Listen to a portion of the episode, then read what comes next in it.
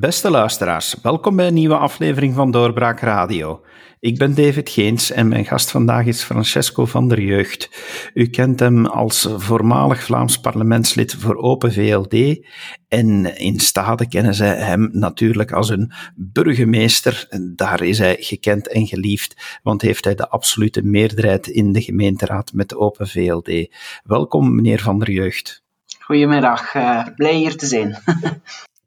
Meer van de jeugd, mensen zullen u natuurlijk ook wel kennen omdat u vorig jaar nationale bekendheid hebt verworven, omdat u een tijd lang kandidaat-voorzitter was voor de Open VLD. U heeft dan gekozen om u uit die race terug te trekken te voordelen van uw provinciegenoot Bart Tommelijn. We zijn nu een tijd verder. Iedereen kent de resultaten van die verkiezingen. Bart Tommelijn heeft het niet gehaald.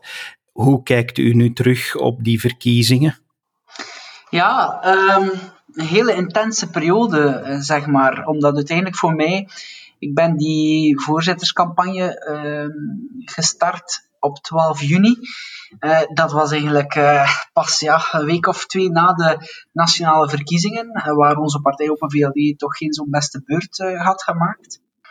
En uh, voor mij was dat een heel lange campagne. Hè. Mensen denken van goed, ja, je hebt uh, u enerzijds wel teruggetrokken, maar ik heb ook wel bijna, bijna een half jaar campagne gevoerd uh, op mijn eentje. En dat was eigenlijk wel een eenzame tocht. Hè. Um, het moment toen ik mijn kandidatuur terug, in, terug introk, dan kwam er van overal reacties van oh, je was onze favoriet en je was onze kandidaat bij uitstek. Maar toen ik ja, kandidaat was, eh, toen, uh, ja, toen heb ik daar niet zo heel veel van gehoord. Uh, enkelen die hun nek durfden uitsteken om toch een stuk kleur te bekennen.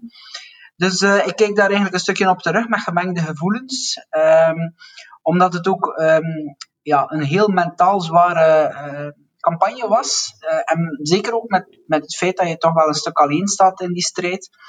En uh, zeker ook omdat ik ja, natuurlijk daarmee ook uh, Bart Tommelijn uh, um, ja, een stukje ja, het moeilijk maakte, zeker vanuit West-Vlaanderen.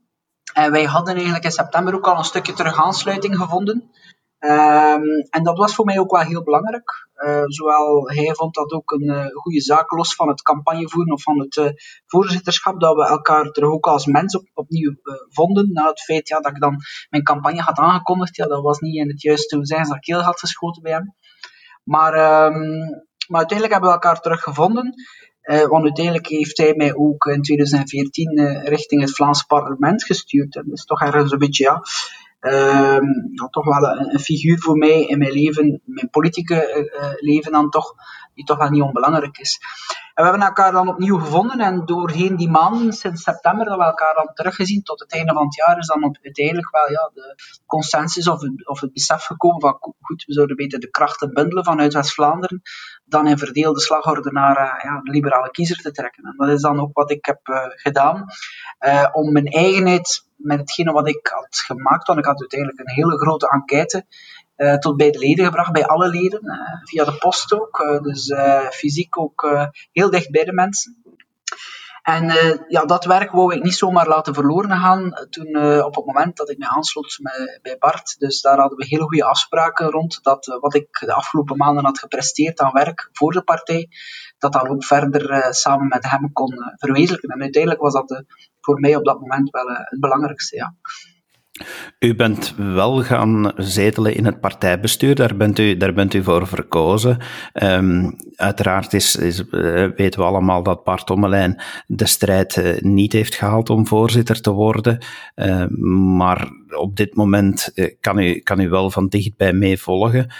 Vindt u dat of had u, had u verwacht dat de zaken zouden lopen voor Open VLD zoals ze gelopen zijn? Eh, de premier kunnen leveren, eh, nu eigenlijk mee aan het roer staan in een land dat, uh, dat leidt onder de coronacrisis. Hoe, voelt dat aan om, om dat mee te maken vanuit het partijbestuur van Open VLD? -huh.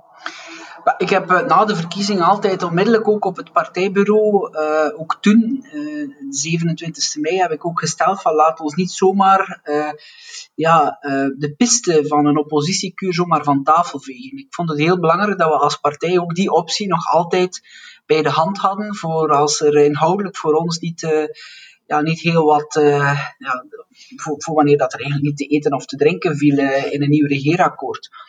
Ehm, ik denk dat, ehm, dat we misschien wel uiteindelijk op een bepaald moment ehm, verantwoordelijkheid zijn hebben getoond door deel te nemen aan die regering en daar de lead in te nemen. Um, het mag natuurlijk niet zijn, het heeft lang geduurd voordat we een regering op de, de been uh, brengen. Hè.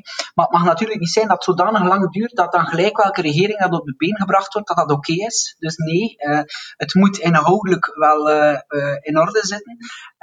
Maar ik denk ook dat we in een periode waren uh, waar verantwoordelijkheid sowieso moet genomen worden. En dat is ook geen evidentie, want het is misschien in deze misschien heel gemakkelijk om langs de zijlijn te staan en te roepen en te zeggen, je moet het zo doen. Maar ik merk zelf als burgemeester hier in een landelijke gemeente, dat als je zelf regels moet uitvaardigen om bepaalde maatregelen af te dwingen, dat het een heel moeilijke oefening is om met iedereen rekening te houden. Dus ik denk toch wel uh, ergens een stuk fierheid dat we verantwoordelijkheid hebben durven nemen. Uh, dat wij dan uiteindelijk ja, dat premier, de, het premierschap hebben uh, geclaimd, ja, dat is natuurlijk iets die ja, binnen die connotatie misschien, of die samenstelling van de regering misschien uh, eerder voor de hand lag. Um, maar ik denk wel dat met Alexander we ja, een, tamelijk goede communicator hebben en toch een figuur waarin dat ja, heel wat mensen zich kunnen in vinden. Ehm, in een periode waar dat extremen, zowel links als rechts, eh, de bovenhand nemen, hebben we iemand nodig die, die een bepaalde standvastigheid eh, in toon probeert naar buiten te brengen. En toch ook wel dat leiderschapscapaciteit ehm, probeert te tonen. Ehm, maar het is natuurlijk geen evidente periode om, om mee te regeren, maar ik denk toch wel dat het een goede zaak is dat we, dat we in deze onze verantwoordelijkheid nemen. Nu, binnen het partijbestuur zelf, ik denk, ik ben wel zeer tevreden ook dat ik daar in dat eh, orgaan mag eh, zetelen. Uiteindelijk heb ik daar een heel mooie score gehaald bij dat partijbureau. Een goede 5000 stemmen toch. Ehm, eh, wat meer zelfs, denk ik. Ehm, en dat, dat zorgt er ook dat ik de link met Brussel en het nationale gebeuren kan blijven behouden. En ook van op de eerste rij mag meemaken ja, hoe die crisis uh, ervaren wordt, op die, ja, of toch in ieder geval binnen die regeringskringen. Want uh, ja, je hebt elke week uh, contact met de premier, met de, minister van Justitie onder andere. En dan, ja, dan merk je toch wel dat de vinger aan de pols gehouden wordt en dat je ook ja, accuraat kan meegeven ja, wat er leeft bij de mensen. Allee, niet dat zij dat niet weten, maar ja, je merkt toch wel dat dat een belangrijke factor is. Ik weet nog goed dat Egbert mij belde toen ik natuurlijk ook mijn kandidatuur had aangekondigd samen met, met Bart, of dat ik ging samengaan met Bart, dat Egbert mij stuurde, ja, nu maak je het wel een stukje gemakkelijk. had hij gezegd, van uiteindelijk binnen West-Vlaanderen was er nogal een sterke ja, verdeeldheid. En ja, met mijn kandidatuur weg als voorzitterkandidaat, um, was de weg vanuit West-Vlaanderen voor Egbert wel een stukje meer open. En dat kwam hem wel goed uit. Um, dus ik, ik, durf misschien wel ergens uh, te stellen, zonder op de borst te willen kloppen, dat had ik misschien kandidaat gebleven. Het, het zou waarschijnlijk Egbert ge, geweest zijn die het finaal zou halen, maar dat het iets moeilijker zou zijn geweest voor Egbert uh, dan hoe, hoe, het nu gelopen is. Maar, uh, maar ik merk ook, en, en ik ben toch wel van overtuiging dat Egbert, allee, moet natuurlijk ook nog de tijd krijgen om zich te kunnen uh, bewijzen, uh, de goede intentie heeft om onze partij opnieuw uh, op de rails te krijgen. Uh, ik denk daar ook aan het najaar om effectief ook hopelijk fysiek ehm, inhoudelijk te gaan nadenken samen met de achterban. Ehm, je merkt ook dat hij heel veel terugkoppelt naar de achterban, partijraad en zo. Dus dat staat mij wel gerust en gunstig dat we iemand hebben, een voorzitter hebben, die toch echt wel de partij op de eerste plaats zet. En, ja, en ik merk toch wel ook dat de, dat de rangen hè, op dit moment toch wel uh, goed gesloten blijven en dat men toch allemaal aan dezelfde kant van het zeel probeert te... Wat niet altijd zo evident is, zeker niet bij liberaal. dus ja. U zegt het daar zelf, dat is niet altijd evident gebleken in het verleden en nu uh, lijkt dat inderdaad gesmeerd te lopen. De keerzijde is dan misschien dat het voor Open VLD nu net iets moeilijker is om zich te profileren. Een, een eerste minister moet natuurlijk boven de partijen staan. Um, je ziet dan ook dat de liberale zusterpartij aan Franstalige kant een voorzitter heeft die veel meer uh, de polemiek gaat opzoeken en, en meer zich probeert uit te spelen als de verdediger van de liberale waarden. Vindt u dat, dat Open VLD uh, voldoende punten kan scoren op dit moment, laat ik het zo noemen? ik denk, je kan je profileren als een haantje, zoals natuurlijk de voorzitter van onze zusterpartij in, in Wallonië graag doet. Maar je kan je ook profileren als, als leider. Ik denk, in, zeker in tijden van onzekerheid, van, van crisis, dat mensen een houvast nodig hebben. Dus op dat vlak kan je ook in feite gaan profileren. En ik heb dan liever dat wij ons als partij op die manier gaan profileren. Um, en ook door, door het verschil te maken. Ik, ik zie bijvoorbeeld ook uh, ja, onze minister van Justitie die extra middelen uh, gaat eh, voorzien voor uh, geïnterneerden en de zorg daaromtrent. dat zijn toch echt zaken die op het terrein het verschil maken. En ik denk dat dat voor de tijd die we hebben nog in deze legislatuur het, uh, het allerbelangrijkste zal zijn. Gaan we op het terrein het verschil kunnen maken voor de mensen? Is dat in, uh, ja, in zorgen dat er geen nieuwe belastingen komen? Is dat in zorgen dat er groeikansen komen voor ondernemers, voor, voor mensen die vooruit willen? Ja, dan, dan, dan, dan kan je echt wel uh, je gaan profileren. Natuurlijk moeten mensen dat natuurlijk willen zien. Hè. Maar je zit in zodanig extreem, ik heb het al gezegd, dat het voor die mensen heel moeilijk is om, om dat ook ja, te willen zien. Hè. Um, men zit soms in zodanig hard gebeiteld in zijn of haar eigen gelijk, dat je niet meer open staat voor ja, misschien een eerder realistische kijk op uh, wat er gebeurt. Um, en loopt alles even vlot en loopt alles even uh, zoals het zou moeten zijn? Nee. Um, ja, ik denk in, in, dergelijke tijden dat er ook niet altijd direct een, kant-en-klaar draaiboek voorhanden is. Maar dat je moet, zorgen dat je zoveel als mogelijk uh, ja, op het terrein dat verschil kan maken. Dus ik denk wel dat uh, op de lange termijn, of allez, laten we zeggen op de middellange termijn, we opnieuw misschien toch wel weer een verschil kunnen maken. Uh, maar het zal natuurlijk uh, geen evidentie zijn. Hè. Zeker als je ziet hoe, hoe, de, taal, hoe de taal eigenlijk onder andere op social media gehanteerd wordt. Ja, dan maak ik me daar ernstige zorgen over hoe mensen zich uiten. Op een soms wel onrespectvolle manier ook naartoe politici. Men, zegt soms, uh, men zegt soms van uh, ja, hoge bomen vangen veel wind. Uh, je moet daar maar tegen maar ik ben het daar eigenlijk niet echt mee eens. Het is niet omdat je een hoge boom zit dat ze tegen je stam moeten zeiken. Hè. ik denk, allee, elke politicus is, is nog altijd ook een mens. En er zitten ook wel grenzen op, op wat dat je kan aanvaarden. Als, allez, ik denk dat het altijd belangrijk is dat je, dat, je, dat je kritiek krijgt op een goede manier, dat je daar ook mee aan de slag kunt. Maar het moet wel nog altijd respectvol um, voor blijven. En ik merk toch dat het, uh, ja, dat, dat dat gedeelte toch soms heel ver achterwege blijft in, uh, in debatten en in hoe dan mensen zaken bekijken. En dat komt ook denk ik wel een stukje door het feit dat ze gedesinformeerd worden door het door het veelvoud aan informatie die er voorhanden is. er is zodanig veel informatie voorhanden. Uh, het moet allemaal heel snel gaan. Korte codes, uh, foto's die uh, op het eerste zicht al, ja, bij wijze van spreken, de titel verraden.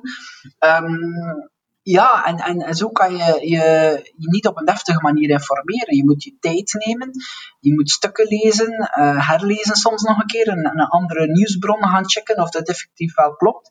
En dat gebeurt natuurlijk zeer weinig op vandaag, omdat uh, ja, uh, mensen, ja, denk ik, hebben van veel de keuren, eigenlijk wat wij zeggen in West-Vlaanderen. Maar dat is denk ik niet altijd een goede zaak. Dus uh, ik blijf ook oproepen om, om met respect in dialoog te gaan met elkaar. En, en je goed te informeren, zodanig dat je in het debat op de juiste manier je kan positioneren. ja. Respect is inderdaad iets wat uh, vaak een rol speelt in, in heel wat discussies de laatste tijd. En daarom ben ik ook eens heel benieuwd naar uw standpunt, want uh, u bent burgemeester, u bent liberaal. Dat, dat maakt dat u toch waarschijnlijk een, een, uh, ja, toch een eigen kijk hebt op wat er momenteel allemaal gebeurt omtrent de coronamaatregelen. De laatste dagen lezen we dan in de kranten onder spectaculaire titels, weliswaar de opstand van de burgemeesters. Er wordt dan vaak verwezen naar uw collega uit Middelkerken, uh, uiteraard. Maar ja, je hebt dat enerzijds, je hebt anderzijds heb je jongeren die, die blijk geven dat ze het moeilijk krijgen. En uh, ja, dan spreekt men van revoltes en rebellie. Uh, anderzijds, als burgemeester bent u, bent u uiteraard ook betrokken bij het welzijn en de, en de volksgezondheid en de veiligheid van uw inwoners. Dus dat maakt dat u, dat u toch zelf moet ervaren hoe moeilijk dat dat evenwicht is. Of uh, ja, hoe ervaart u dat eigenlijk? -huh. Ik denk dat het belangrijk is dat eender welke burgemeester zijn of haar stem laat horen in het debat. Op een opnieuw respectvolle manier. Maar daarnaast is er ook zoiets nog als ja, je bevoegdheden als burgemeester. En wanneer bepaalde zaken beslist worden op een bepaald niveau waar jouw uh, bevoegdheid niet ligt, dan denk ik dat je daar ook op een bepaalde manier uh, moet bij neerleggen. Je kan daar je ontgoocheling over uiten. Maar uh, te gaan revol revolteren, dat vind ik dan eerder ja, een vorm van ja, populisme. Hè? Een gemakkelijk populisme. En Goed, um, ik, ik, denk dat iedereen snakt naar die vrijheid. Hè. We zijn nog, uh, in vele mensen uh, hun leven zijn zij amper uh, beperkt geweest zoals op vandaag in hun vrijheid. Dus we snakken allemaal opnieuw naar weer dingen te kunnen doen zoals vroeger. Um, maar we zitten ook in een situatie die nieuw is. En waarvan we dachten, we gaan dat hier oplossen in een jaar en we zijn er weer vanaf. Maar ik denk als je realistisch bent, ja, dat je daar toch een x aantal jaar voor nodig hebt en dat zelfs uh, ja, je er uiteindelijk nooit zal verlost worden. Het zal op een andere manier ermee omgegaan worden. Ik denk, voor zover uh, dat, dat ik denk, is dat, dat corona eh, iets zal zijn zoals de griep, en dat dat jaarlijks ook zal terugkeren, maar dat we daar op, op den duur op een andere manier mee zullen omgaan. Maar ik denk dat het belangrijk is dat je als burgemeester je stem laat horen, maar dat je ook nog altijd beseft wat uh, jouw bevoegdheden zijn. En uh, wij proberen heel um, attractief te zijn, wij proberen heel inventief te zijn in onze gemeente om tegemoet te komen aan die noden, aan die, ja, is dat op digita digitale manier een keer een concertje te lanceren om toch te zorgen dat de studenten kunnen komen fysiek studeren in een op locatie, om een keer uit die sleur van thuis te zijn, om toch in een andere omgeving, een rustige omgeving, hun studies te kunnen doen. Ja, ik denk dat je als burgemeester veel beter in plaats van rebelleren en, uh, en, en zorgt dat je, dat je energie steekt in het uh, uiten van die rebellie, dat je beter zorgt dat je ja, op de eerste lijn dicht bij je burger staat. En ik denk dat wij dat ook als, als burgemeester zal hebben bewezen. Ik ben zeker ook mijn collega uit Middelkerk dat hij dat ook zal hebben gedaan, maar dat we hebben bewezen dat we echt wel het verschil kunnen maken. Men spreekt soms van fusies, van grotere entiteiten, dat dat de oplossing zal zijn, waarvan ik uh, als jonge burgemeester daar niet overtuigd van ben. Als je een financiële gezonde gemeente bent, dan denk ik dat het heel belangrijk is dat je dat houdt, omdat je op die manier als beleid dicht bij de burger gaat staan. Uh, dat is ook zoiets bijvoorbeeld, los van corona uiteindelijk, uh, in het Vlaamse regeerakkoord staat dat men dus de opkomstplicht zal afschaffen. Uh, vind ik een spijtige zaak. Hè? Zeker omwille van het feit dat dit gaat over het lokale niveau. Omdat natuurlijk die, die gemeenteraadsverkiezingen, dat is één keer om de zes jaar waar je echt als gemeenschap, hè, waar je één op één bijna hè, uh, dicht bij elkaar leeft, ja, kan uitingen geven. Dus dan, dan ja, is dat dan een, een stap te veel, uh, ook al ben ik dan liberaal, maar is dat dan een stap te veel gevraagd om die ene moment mee te kiezen welke richting je gemeente uitgaat? Dat je dat op een ander niveau uh, gaat in vraag stellen, dat kan ik inkomen, maar ik vind het wel een jammerlijke zaak uh, dat men dat lokaal zou gaan invoeren. Ten meer omdat je nu, na heel die corona, of, ja, of, of, tijdens deze coronacrisis, merkt dat we een heel belangrijke factor een heel belangrijke schakel zijn in, in het hele verhaal. Ik denk dat zonder ons, als lokale besturen, ja, die hogere overheden het uh, bijzonder moeilijk zouden hebben om alles uh, praktisch geregeld te krijgen. Meneer Van der Jeugd, u uh, als burgemeester, vindt u dat het uh, nog makkelijk werken is momenteel in het kader van alle maatregelen die er genomen zijn, maatregelen die enigszins ook bepaalde grondrechten inperken? Kan u als burgemeester dan, dan voldoende handelen om het uh, leven draaglijker te maken voor de inwoners van uw gemeente? Wel, natuurlijk. Um je hebt de taak als burgemeester om bepaalde maatregelen die afgevaardigd of uitgevaardigd worden op een bepaald niveau, om die te doen naleven. Dat is één Je kan er niet zomaar iets naast gaan leggen. Ik denk dat het heel belangrijk is om verder goede communicatie te voeren. Dat is een heel belangrijk iets, zodanig dat die regels, want dat was voor ons ook als bestuur, als burgemeester, soms heel moeilijk te vatten, eh, hoe snel die regels soms allemaal veranderen. er wordt iets gezegd op tv, maar dan moet je nog wachten tot het ministerieel besluit om dan effectief te lezen en te kunnen interpreteren wat men bedoelt. Want soms eh, zit daar nog een verborgen boodschap achter die je dan toch moet proberen te achterhalen. Dus dat is, een, dat is op zich wel een heel moeilijk gegeven geweest in die, laten we zeggen, anderhalf in, dat, in, in het afgelopen jaar ja, dat, dat de veelheid aan maatregelen en de diversiteit van maatregelen heel kluwen uh, is geweest. En ik denk dat uh, vandaar dat de premier ook wel wil proberen om zoveel als mogelijk een beetje een, een gelijk, niet te veel pingpong te gaan doen, maar, maar een standvastig beleid te gaan voeren met betrekking tot maatregelen. Terwijl dat je dat in de vorige regering, ja, zag dat het nogal heel snel veranderde. De ene week was het zo, dan was het plus de andere week eh, op een andere manier. Nu, maar persoonlijk denk ik, eh, er zijn altijd wel maatregelen waarvan dat je denkt van, wat is dat nu weer? Allee, Um, ja, ik denk bijvoorbeeld met de trein, ik denk dat het veel evidenter zou zijn, moest je gewoon een reserveringsapp kunnen uh, hebben, waar dat passagiers kunnen reserveren, in plaats van een regel uit te vinden van ja, zet u aan het raampje.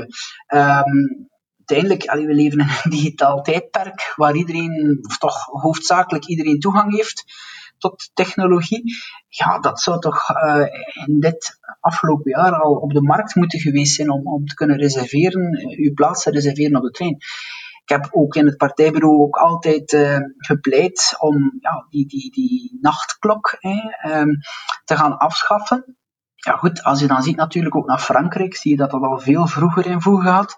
Maar dat is natuurlijk iets ja, waar je fundamenteel één, je kan afvragen, is dit een goede maatregel? Is dit een nuttige maatregel? En dan twee, zit je natuurlijk ook iets met ja, het feit dat je eigenlijk echt wel voor een lange tijd beperkt wordt. Ik heb daar ook een stukje op mijn site over geschreven, over die nachtklok. Uh, ik heb dat uh, niet, bewust niet naar de pers gestuurd, omdat ik uh, mijn partij het ook niet moeilijker wou maken. Want als je dan als lid van partijbureau zoiets naar de pers stuurt, ja, dan, dan staat dat in alle gazetten. Maar ik wou toch wel mijn mening uiten. Dus dat, staat, dat stuk staat op mijn site, mijn mening over de, de avondklok, uh, de, de nachtklok. Um, maar ja, principieel ben ik daar niet mee akkoord. Um, en ook praktisch, ik denk dat zoiets echt iets is om een korte periode te gaan gebruiken. Um, bijvoorbeeld, er is een overlast in een gemeente of in een stad in een bepaalde buurt. Ja, om, om daar bestuurlijke handhaving mogelijk te maken, kan je daar uh, ja, een avondklok of, of een nachtklok uh, zien als een goed instrument, maar niet voor zo'n lange tijd op, ja, op zo'n uitgestrekt domein, op zo'n uitgestrekt grondgebied. Um, maar dat is natuurlijk ook wel een beetje het jammerlijke natuurlijk, is dat ik persoonlijk denk dat uh, Europa daar wel een stuk in tekort geschoten heeft om een uniformiteit in de regels um, te gaan invoeren. Um, ja, daarom zie je toch nog altijd dat, dat, uh, ja, dat wanneer het uh, moeilijk gaat, iedereen terug, ja, terug plooit op zijn eigenheid als land. En dat Europa als mechanisme om zaken gedaan te krijgen, ja, toch wel een soort van logapparaat is. Ja. Dus ja, je hebt uh, ergens mogelijkheden om inventief te zijn in, in, in wat je aanbiedt voor je burgers, uh, hoe je communiceert. Maar je hebt natuurlijk de taak als burgemeester om maatregelen af te dwingen en die te laten naleven. Maar uiteraard zijn er zaken waarvan ik uh, mij af en toe wel eens vragen stel van waar komt dit nu eens en is dit wel de juiste maatregel binnen uh, ja, de juiste proporties. Uh, dat is zeker ook iets wat, wat al voorgekomen is.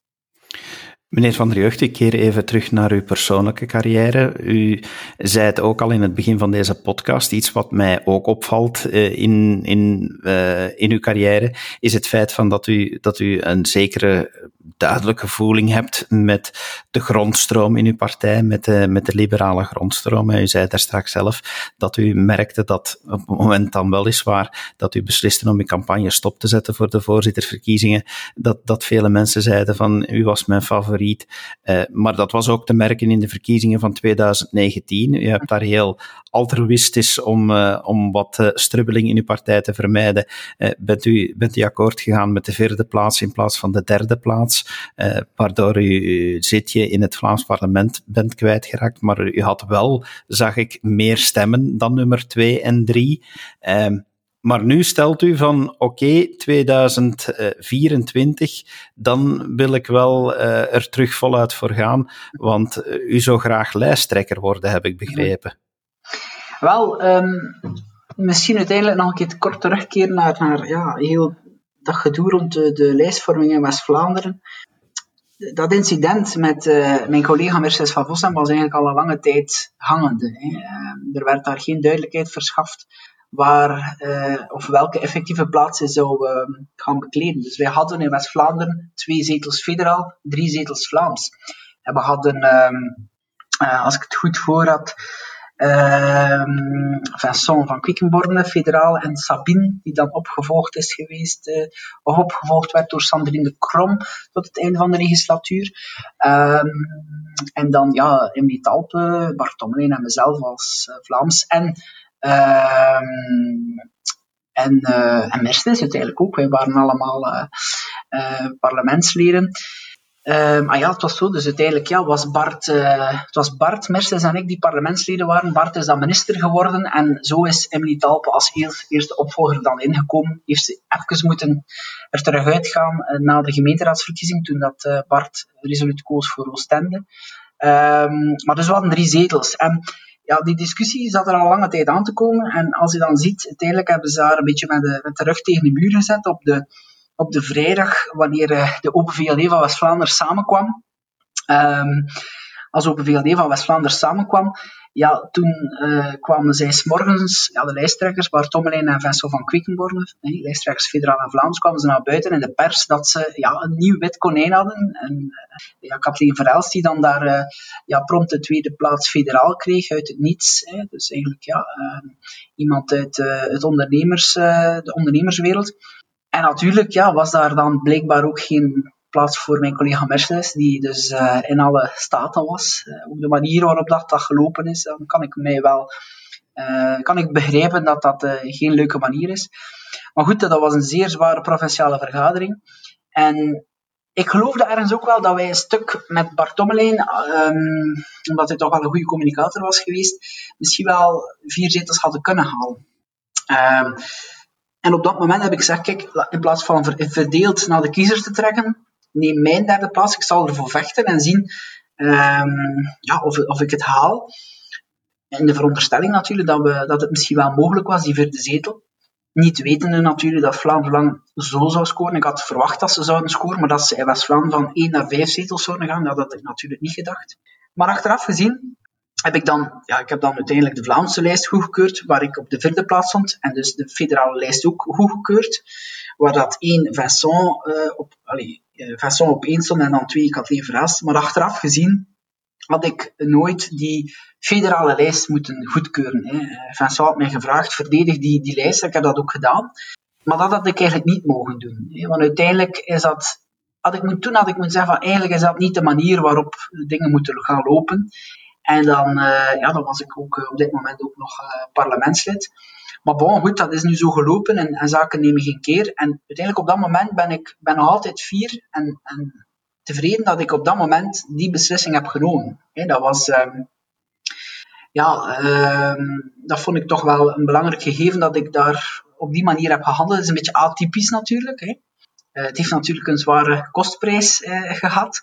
Zeker omdat ik in, in de materie die ik volgde, in het parlement, de landbouw in West-Vlaanderen, daar echt uh, al goed in thuis aan, aan het uh, geraken was en mij daar echt ook in, uh, in amuseerde om, om hun stem te zijn in Brussel. Um, en ik merk nu, en zeker ook het signaal dat ik heb gekregen na de laatste partijbestuursverkiezingen, uiteindelijk had ik voor West-Vlaanderen de meeste stemmen binnen het partijbureau.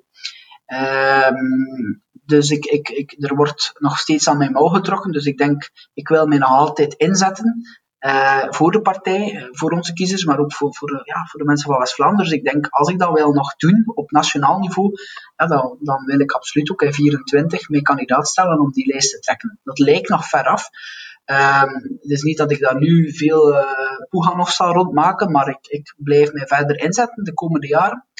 En ik heb ook gesteld dat het geen evidentie mag zijn dat ik lijsttrekker zou worden, of toch ook niet vanuit een, um, een bepaalde insteek dat men zegt van ja, hij is zijn zetel kwijtgeraakt in 2019. Nee, als, als, um, als troost gunnen we hem dat, dat lijsttrekkerschap. Nee, ik wil lijsttrekker worden. Excuseer, ik wil lijsttrekker worden als ik het vertrouwen krijg van de leden. Ja, want uiteindelijk zullen zij het zijn eh, die, die daarover beslissen. Zij dat het ook nog verandert in onze partij, zoals dat uh, bij Vooruit gebeurt. Daar heb ik vernomen dat de voorzitter of toch die, die provinciale kringen, of, of toch de, de beslissings, het beslissingsrecht binnen die provinciale kringen serieus zal inperken en eigenlijk zelf als voorzitter zal beslissen over wie lijsttrekker zal worden. Maar op vandaag tot op vandaag is dat binnen onze partij nog altijd aan die provinciale vergadering. En ik hoop, en ik zal er ook voor werken, dat ik daar in 24 nog steeds dat vertrouwen krijg. Ja. Ja, want het is toch ja, uiteindelijk uh, een beetje opvallend dat, uh, dat de persoon die gekozen heeft om met de voorzittersverkiezingen samen met Bart Tommelijn te sa samen te werken, dat je nu eigenlijk zegt, dat u nu eigenlijk zegt, ja, ik, ik wil eigenlijk wel in de plaats van Bart Tommelijn komen als lijsttrekker.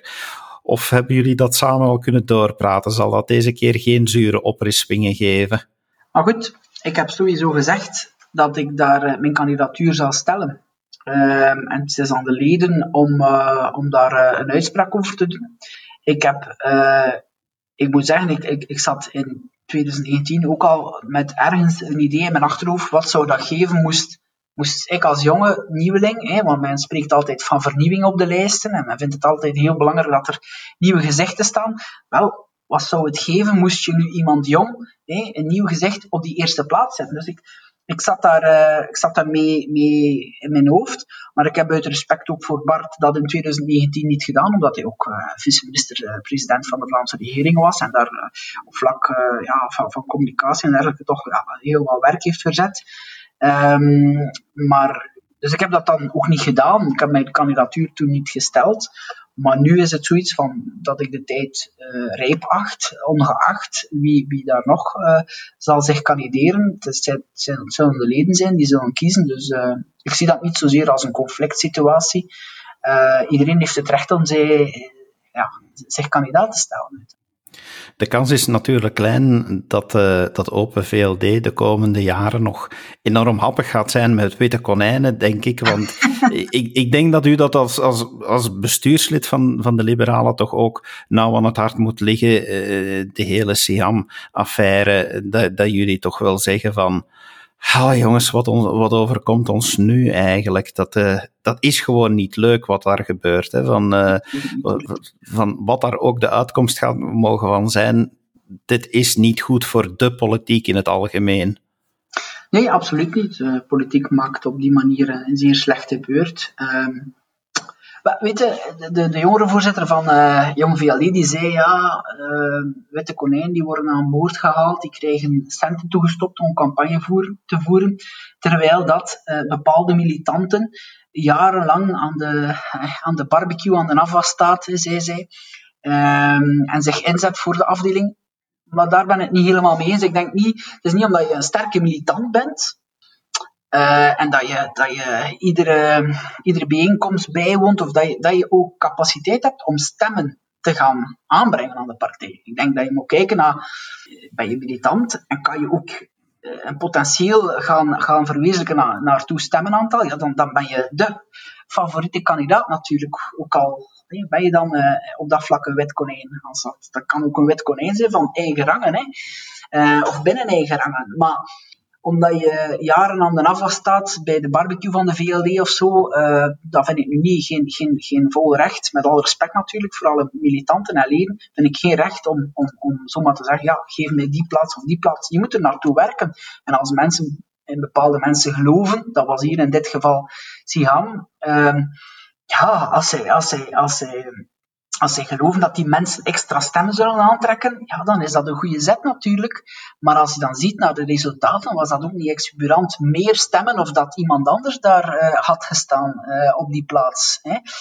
Dus, dus ja, ik sta me dan de vraag, wat is dan die meerwaarde van iemand zomaar out of the blue uh, erbij te halen?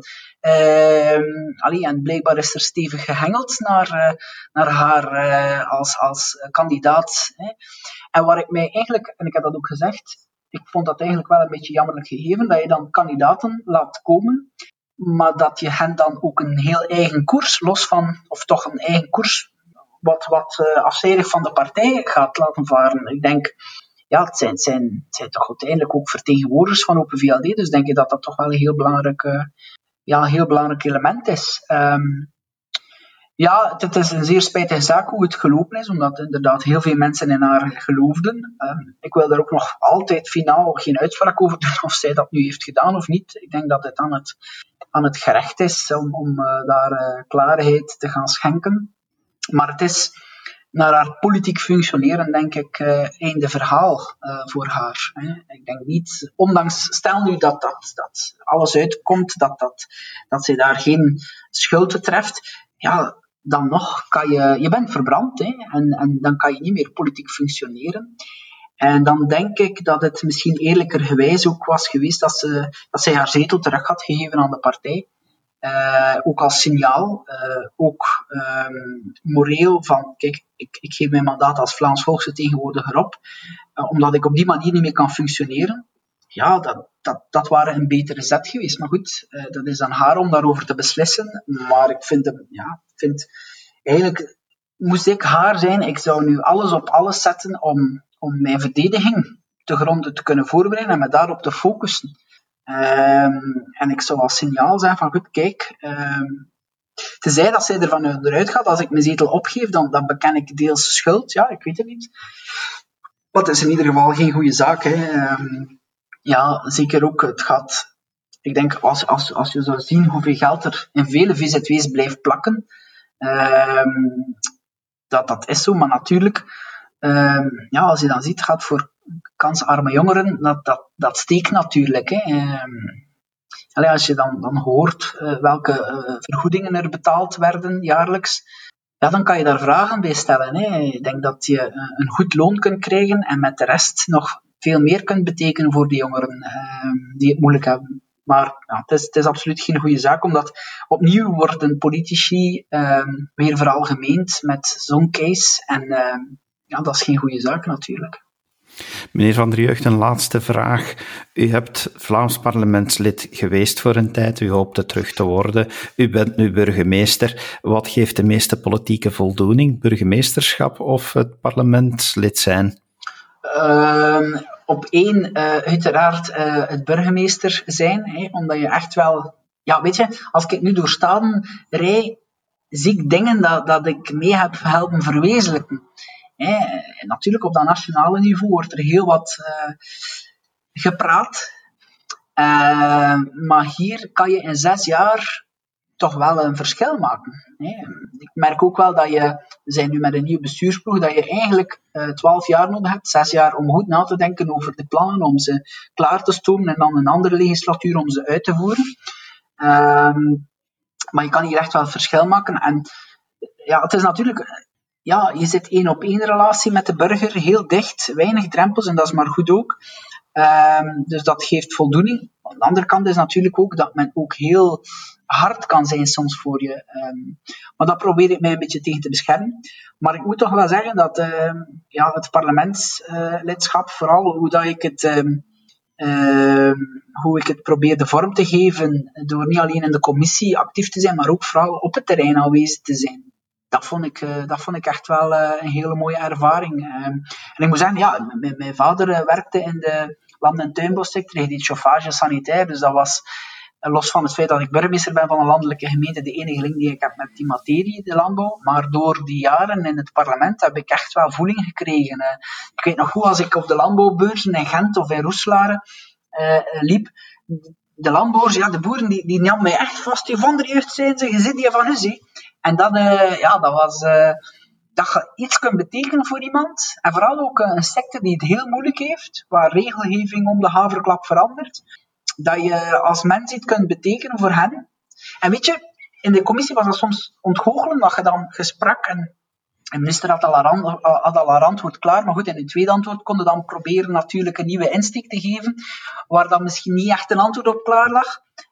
Um, soms was, was dat, dat, dat, dat parlementair werk wel wat ontgoochelend, maar die mensen die vonden het toch belangrijk dat hun stem gehoord werd. Dus ondanks het feit dat je misschien op het terrein niet altijd het grootste verschil uh, kon gaan maken door te gaan zetelen in die commissie, het feit dat je zei waarop het stond en, en zaken overbracht waar, waar die mensen van wakker lagen, ja, dat was voor hen heel belangrijk. En dat mis ik wel ook echt. Op dat niveau, uh, ja, uh, en dat hoop ik ook uh, opnieuw te kunnen doen dus ja, we zullen zien, want het, is, toch, het is toch een microbe. Als we dan, hè, uh, het is geen virus, ik zal het zo niet zeggen. het is een, een microbe um, die je te pakken hebt en, en die je ook niet zomaar uh, loslaten. Dus ja, een mooie stil uiteindelijk toch nog altijd. Wel, meneer Van der Jeugd, dan, eh, dan ga ik u geen genezing van die microben toewensen. Ja. Ik ben wel heel blij dat u tijd hebt vrijgemaakt om hier in de podcast aanwezig te zijn, want u bent pas inderdaad uh, terug uit uw ziekteperiode ja. van het andere verschrikkelijke virus. Dus dank u wel dat u de tijd en de energie hebt gehad om hier uh, uitgebreid antwoord te geven op onze vragen. Alsjeblieft. Ik vond het in ieder geval uh, zeer boeiend en ik wens jullie verder ook nog heel veel succes in wat jullie ondernemen. Succes. Dankjewel. Jo. En u, beste luisteraar, hopelijk hebt u ook genoten van dit gesprek, net zoals ik. En graag tot een volgende keer. Dag. Dit was een episode van Doorbraak Radio, de podcast van doorbraak.be. Volg onze podcast op doorbraak.be/slash radio of via Apple Podcasts, Overcast of Spotify. Bezoek ook onze website op doorbraak.be en steun ons door een vriend te worden van Doorbraak.